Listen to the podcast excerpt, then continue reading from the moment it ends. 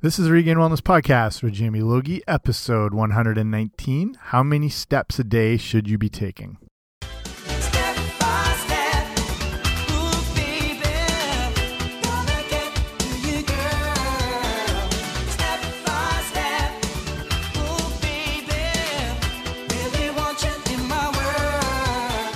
Hey guys, what's happening? Welcome back to the podcast. I'm Jamie Logie. I run regainedwellness.com, and this is the Regained Wellness Podcast. So thanks for joining me here today. And if you're new here or you haven't already, make sure you subscribe on iTunes. Um, that's just the best way to be kept up to date. Every time a show gets uh, put out, it's automatically sent to you. I don't have to mail it or pay for postage or anything like that. Just automatically delivered to your phone. And today we're talking about steps and the quintessential 1980s boy band New Kids on the Block kicking things off there. Probably paved the way for all future boy bands. Some 1980s New Kids on the Block fun facts. They uh, Jennifer Lopez was actually a backup dancer for them um, on their tours, and I think you can see her in one of their American Music Awards shows. So before she became J Lo, and that's what was their big song, "Hanging Tough," was actually recorded for the Boston Celtics, and they were trying to create because they're from Boston, so they're trying to create um, sort of an anthemy type thing that they could play for home games and everything like that, which didn't work. I think they went with obviously something different, so they didn't get the living crap beat out of them. So speaking of their stepping and steps, we're talking about how many steps a day should you be taking, and so I'll cover, you know, what the goal is that's kind of been determined by health experts and why it's been kind of pinpointed at that ways to go about getting extra steps in a day talking about fitbits a little bit of everything. So um, yeah let's get to it so the step thing is pretty interesting just because even if you're at, like say you work out you have an awesome workout program and you're in the gym five days a week and you may think and this goes for myself too you may think oh i'm covered. I don't have to worry about steps.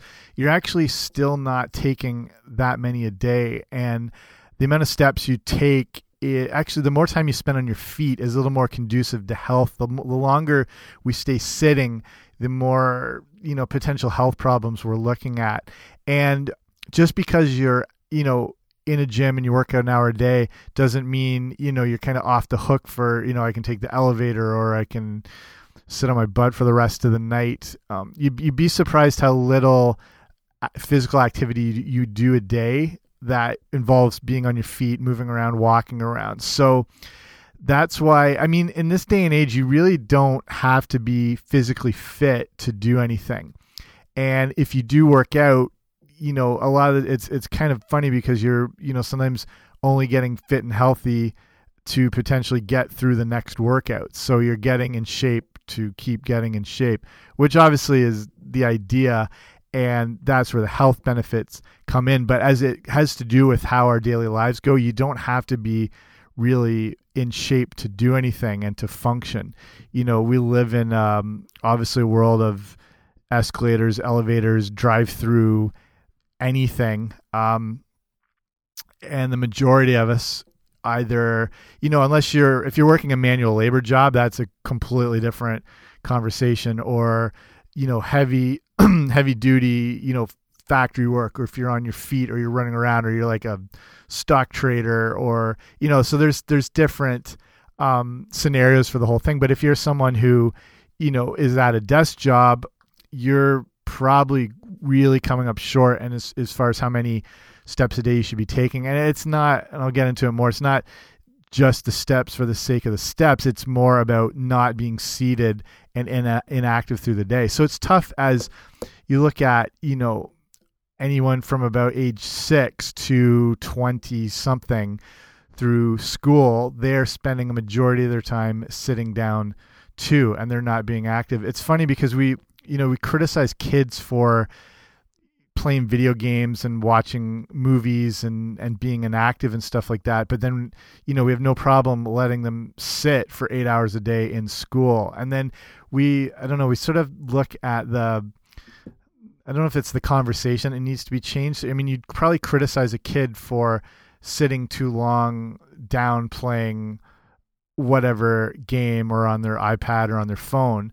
But if they were sitting reading a book, we don't really consider that, you know, um, being lazy or inactive when it really is, or sitting down doing two hours of homework. It, it's still kind of the same thing. Like it's more productive.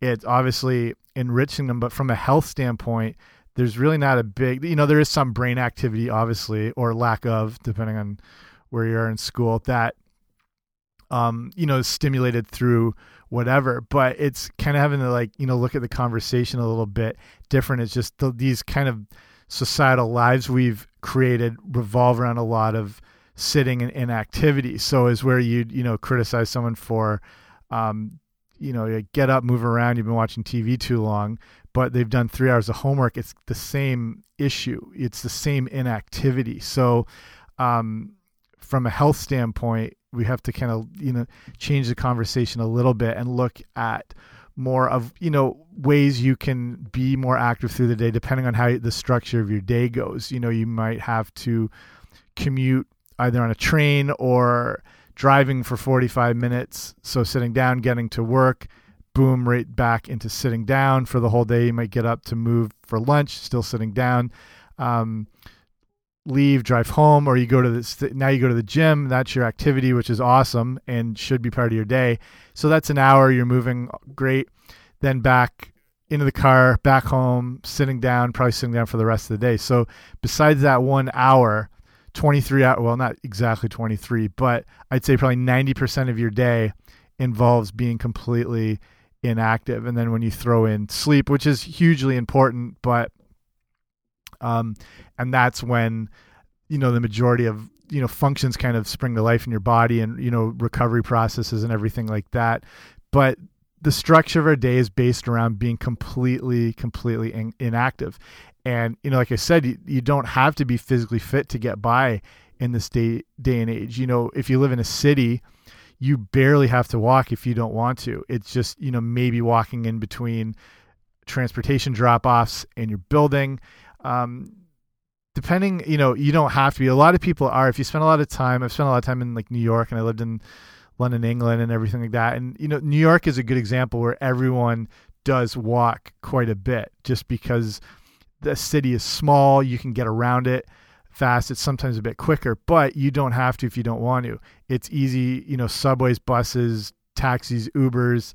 It's very easy to not be active, and that's just not really the way we were built. If you think back to our ancestors who would spend days potentially hunting and tracking animals, um, having to be alert. If they're not up and at them pretty much, there's a potential they're going to starve and everyone's going to starve that they're providing for. So, you know, there's say a couple days of tracking, hunting, they could potentially end up with nothing.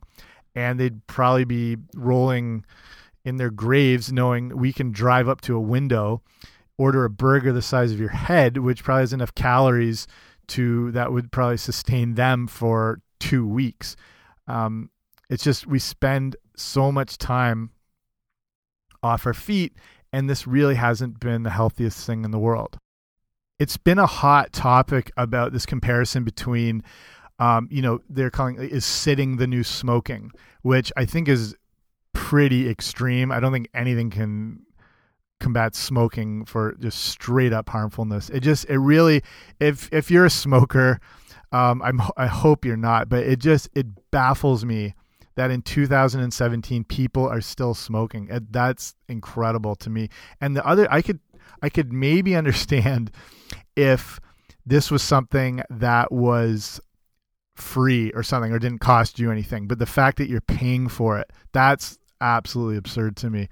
Um, so as they've said, sitting is a new smoking. I don't think it goes to that extent, but there is a lot of health issues that come from when your body is not active and standing up. So I mean, looking at you know, think organ damage like heart disease. You have when you're less active and you have you know less muscle engagement, whatever. You know, muscle burns um, less fat when you're sitting and the blood flows a little more sluggishly when you're sitting too long and that can allow fatty acids to more easily clog the heart. Um, prolonged sitting's been linked with high blood pressure, elevated cholesterol, and people that are the most sedentary, who spend the most time inactive, are more than twice as likely to have cardiovascular disease than um, those who are not, or sorry, those who are moving and more up and at 'em as it goes throughout the day. Then you've got issues with insulin and your pancreas. So your pancreas produces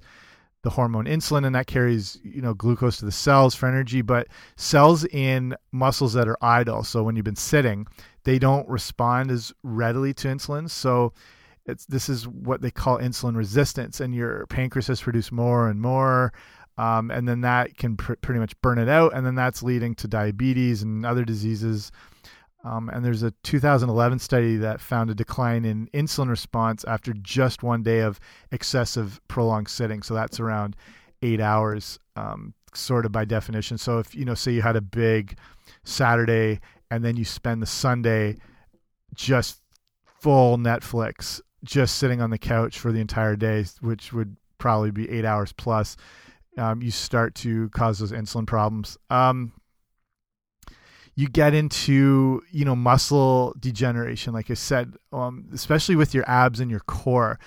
When you unless you have perfect posture when you're sitting and you're conscious of engaging your abs um, more than likely you're not recruiting them how they need to be recruited. So when you stand move or even you know like when keep that seated position your your core your abs they have to be more engaged. When you slump in a chair they basically get unused or you're sitting on a couch slumped around as well too.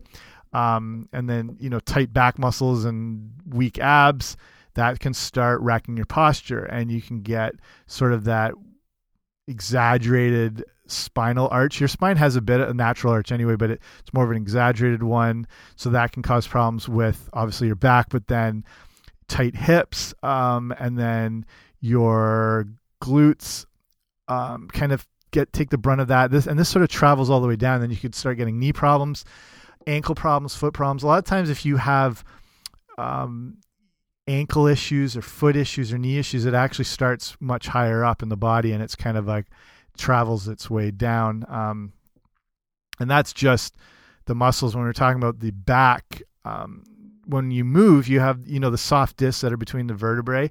They expand and contract like sponges, and they soak up fresh blood and all the nutrients that are going through. But when we sit for a long time, they're they're like squashed and they're unevenly squashed. And then what happens is you have collagen that hardens around tendons and ligaments, and then you're looking at some real back issues and the disc damage. Um, people who sit more are at a greater risk for herniated lumbar discs, and you have a muscle that travels through your abdominal cavity and when it tightens it pulls the upper lumbar spine forward. So upper body weight rests entirely on you have um these like a sitting bone sort of structure and it sort of sits on that instead of being distributed along the arch of the spine. So if you've ever had a pinched nerve or a herniated disc it's one of the most painful things. I think you'd rather break a bone completely than suffer nerve or disc damage. And that's what happens from sitting. I mean, it keeps going. You have really bad circulation um, for sitting for long periods of time. You've probably seen this mentioned for people who travel a lot on airplanes. There's the risk of the blood clots. This it's always been an issue. Was a little more prominent. I don't know. There's more attention to it years ago. Um, you know, because there's blood clots, you're not, there's no circulation, you're not moving, it causes some real problems. Fluid can pool in the legs. Um, then you're looking at swollen ankles, varicose veins, and, you know, blood clots can be extremely, extremely dangerous. Can also affect your bones. Just your, your bones need some weight bearing activity to be engaged and functional. And when they're not, when they just sort of plop, sit there, um, they become softer and more prone to damage. I mean, this I could go for hours on all this stuff. Um, it's you know even sitting for more than two hours can turn off one of the hormones that burns um, promotes the burning of body fat. So you know nothing's engaged. Your metabolism is down. Nothing's active. Your muscles aren't moving. So at the very least, if you know you're going to be sitting for a long period of time, make it a point that every 30 minutes at least you you get up and move for 30 seconds. You know, don't let yourself go more than an hour. I mean, sometimes that's impossible, but at least try to engage your your muscles and try and tighten and release them. Um, keep your abs tight, keep your core tight. Just something you can do to sort of weather the storm a little bit. So we know we need to be up more than we're not. So what's the amount of steps you're you know recommended to take a day? So the recommended amount is 10,000 steps a day. You've probably seen this anywhere from, you know, health articles to the Fitbits themselves. But why is 10,000 steps a day? Why was that number? It's very specific. Why was that focused on? Well, the thinking is is it's more not in a, you know, evolutionary aspect and what we should be matching. It's more based around calorie burning. And the, the thinking behind it was it takes roughly 10,000 steps to burn 500 calories. So, and that's considering an average pace. I think it's like two to three miles an hour.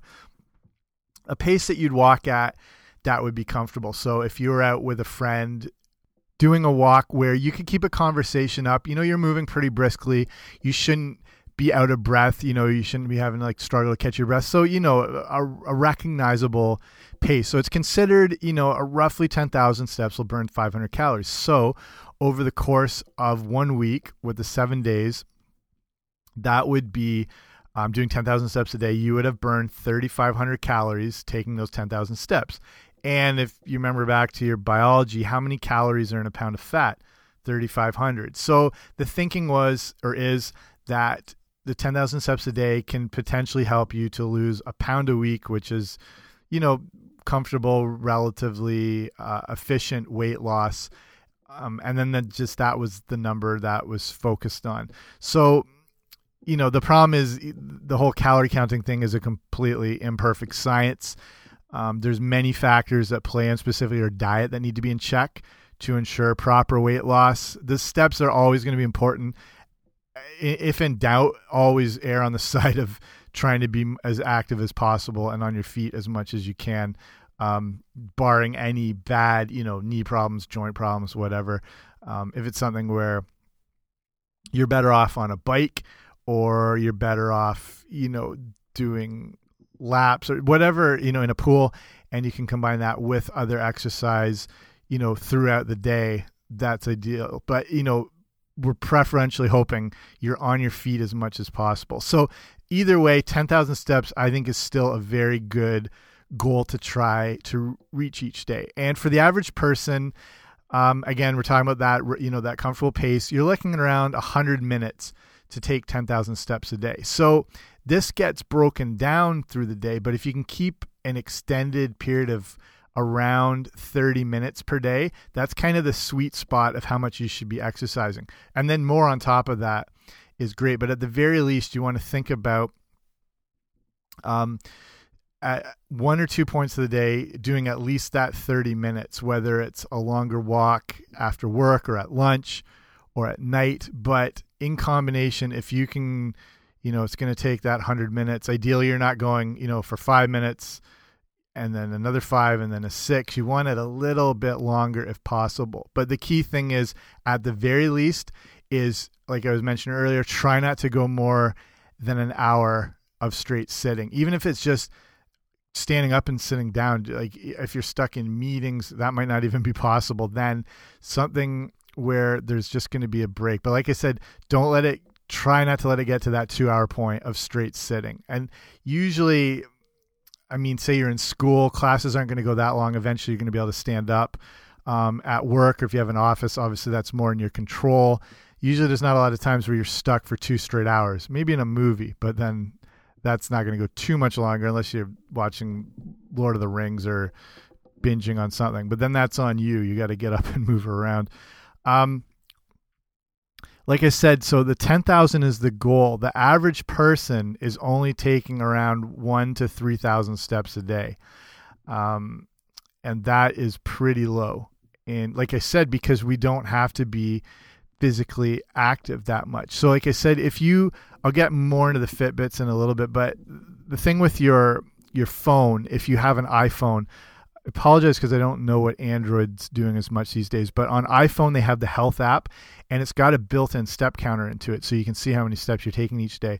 And it'll I guarantee if you haven't been checking it, it's a lot less than you think. So if you, you know, you think you've been running errands or whatever, come back, um, you go to the gym later for an hour, you're on your feet making dinner, running around, you're like, "Oh, that's got to be close to 10,000." It's probably more it's probably at least half of what you think it is. So I I don't track a ton of stuff, but I do keep an eye on it to see. So even on a day where like I said, examples like that where I've been running around, I've gone for a 30 minute run um, or or been biking or been on my feet and then I've been at the gym and in my mind I'm thinking okay this has got to be at least 8 9000 it's usually more around 4 to 5000 so it's something that you're more able to keep an eye on because of technology which is awesome.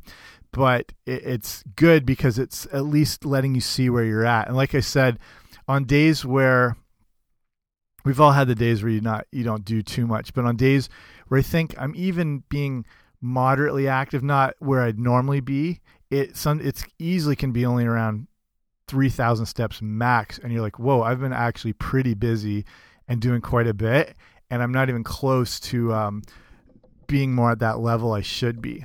And then again this changes on depending on the time of year when the weather's better. Um, you know here in Canada our winters suck S- not always but they you know you're pretty limited to what you can do and move around. So um, then your activity levels just kind of plummet. But then when the weather gets nice, you can be outside more. And then again, depending on your job, you might be taking way more than 10,000 steps a day. So you're good in that sense. So where I work in the summer, said I'm the fitness director for kids sports camp in the states, and you're basically if you've listened to this and you've ever worked at a any form of camp, it's it's a 24 hour day job with a basically a nap at night where if you can get a little bit of sleep that's awesome because you're running your ass off completely on your feet moving around from 7 8 in the morning till who knows how late at night. And so we would track stuff like that in the summer. And we we are taking on average around close to 30,000 steps a day and that's on average. And that's these were days where it was kind of a you know run of the mill type day. Nothing nothing crazy. You're just um, you know going between buildings walking around. And this isn't a huge huge camp compared to some of them. I have massive spreads and layouts. Um, just you know going to the dining hall then coming back to your bunk and then you maybe go to the gym later and then you're walking around you know just just an average low key day. We're still close to around 30,000 steps which is unbelievable. So the days where you know there's crazy stuff going on you're running around the place it's yeah you can really get those numbers up huge to the point where you actually got to be careful that you're not um, overdoing it to the point your body isn't giving a chance to recover and stuff. So you there is the such a thing as definitely definitely overdoing it. So um that's so I, I guess getting into the the fitbit idea now is that or, or, or basically any technology like wearable technology and trackable type things it's the i think they are good because it, it's you really want to have an idea of your starting point. It's good to know where you're at.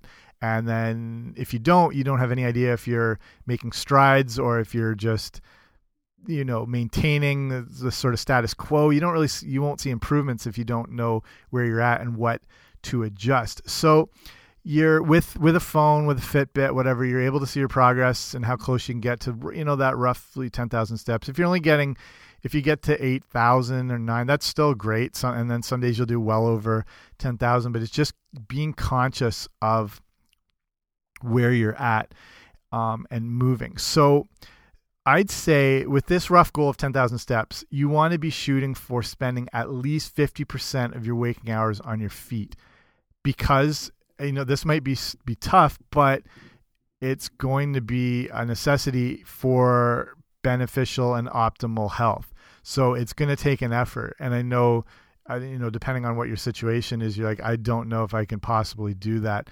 But it's finding those little ways to add in the steps through the day and and making yourself be more. It doesn't mean you know you have to do big long walks, but at least getting up out of the chair. Um, so what do you do if you're well under that ten thousand mark? So like I said, you might be thinking you're taking a lot of steps, and then you find out it's five thousand steps a day, which is quite a bit. But that's how much we're like we need to be up. We need to be moving. It's the way we're built. So if you're you know having a look at say you have your phone or you've got a Fitbit and you're like, okay, I'm at 5,000 steps a day, jumping up to 10,000 is probably going to be a little overwhelming for you. It's going to be a bit of an abrupt lifestyle change. So instead of that, your goal now is to add in, I'd say about 500 steps a day, which isn't too, too much. Um, if you've been taking the 5,000 steps a day, make it a point to get to 5,500 each day and do that for the week. So we're looking at like that slow, gradual build. You don't want to do instant jumps. It leads to um, kind of a feeling of overwhelmingness, um, frustration, just because it is hard to make a huge turnover like that. So it can leave you really frustrated. So don't make it a point not to do too much at once, but let it slowly build with any form of fitness. So your goal then, you know, you're trying for 5,500 for the end of the week. The next week, you would aim for 6,000 steps each day, and you do that for the whole week. So then you keep this additional 500 steps a day up for each week till you get up to that 10,000 steps a day.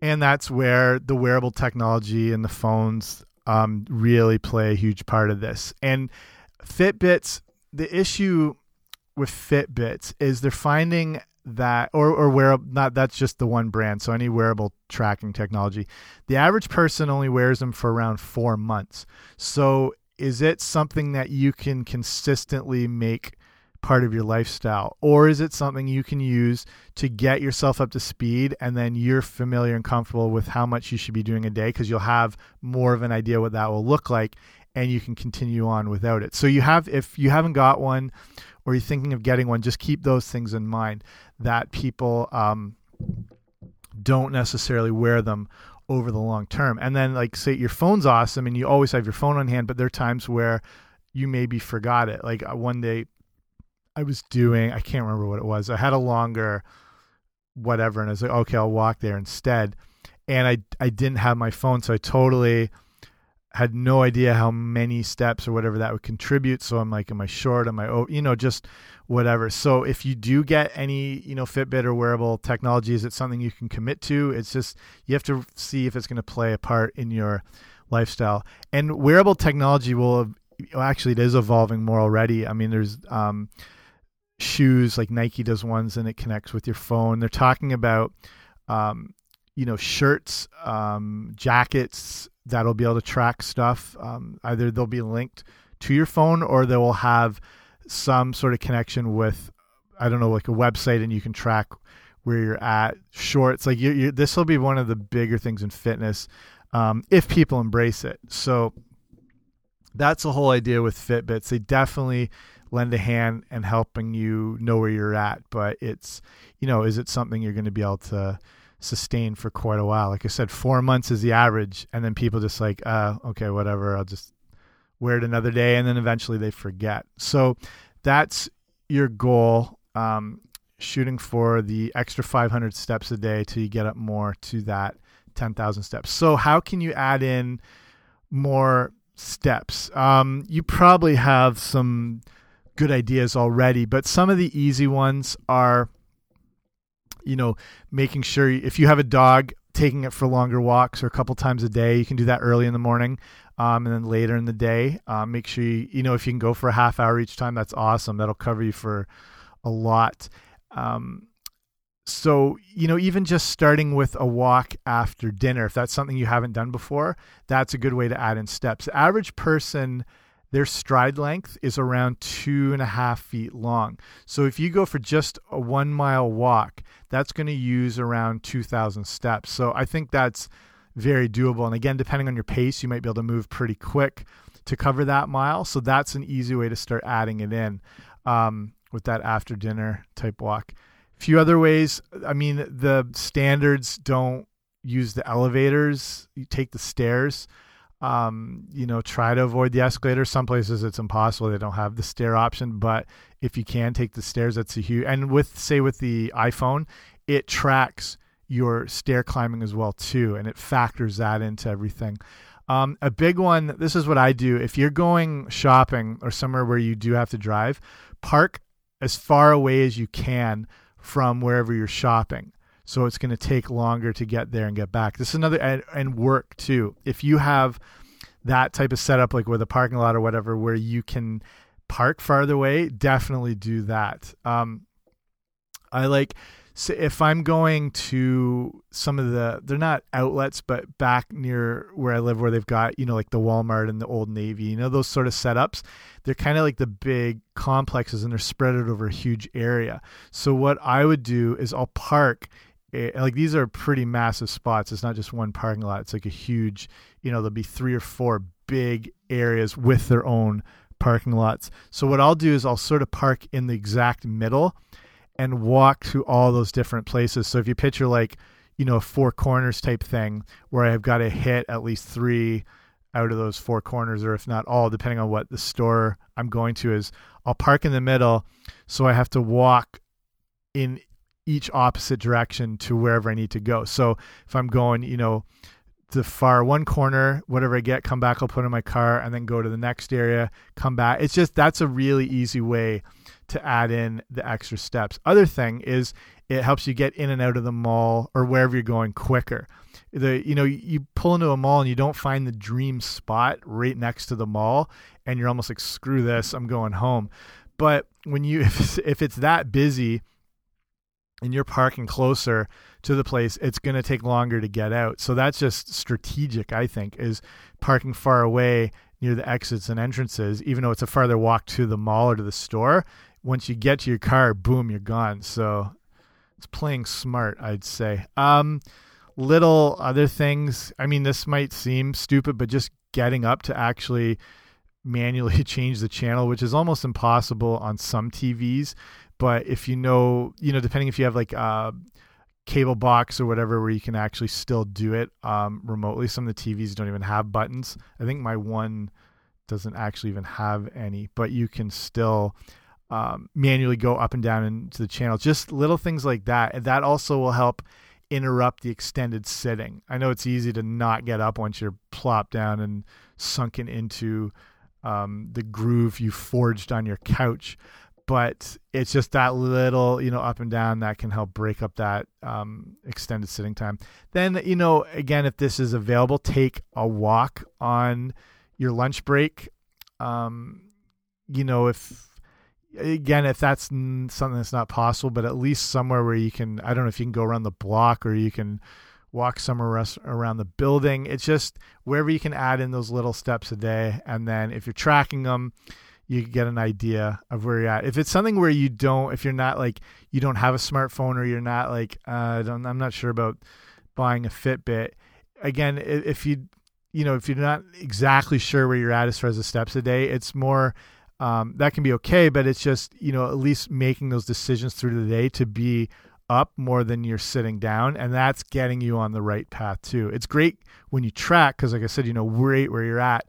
But if that's something you're not wanting to do or it's just whatever doesn't appeal, it's, you know, making those little changes and choices throughout the day. So then you know, oh, good, I'm not going to go two straight hours of sitting. I'm going to make sure I get up. So that's probably half the battle right there is just the mindset of doing it. So I think I'll cut it off there. Um, you know, you can obviously see the issues that come from lack of activity.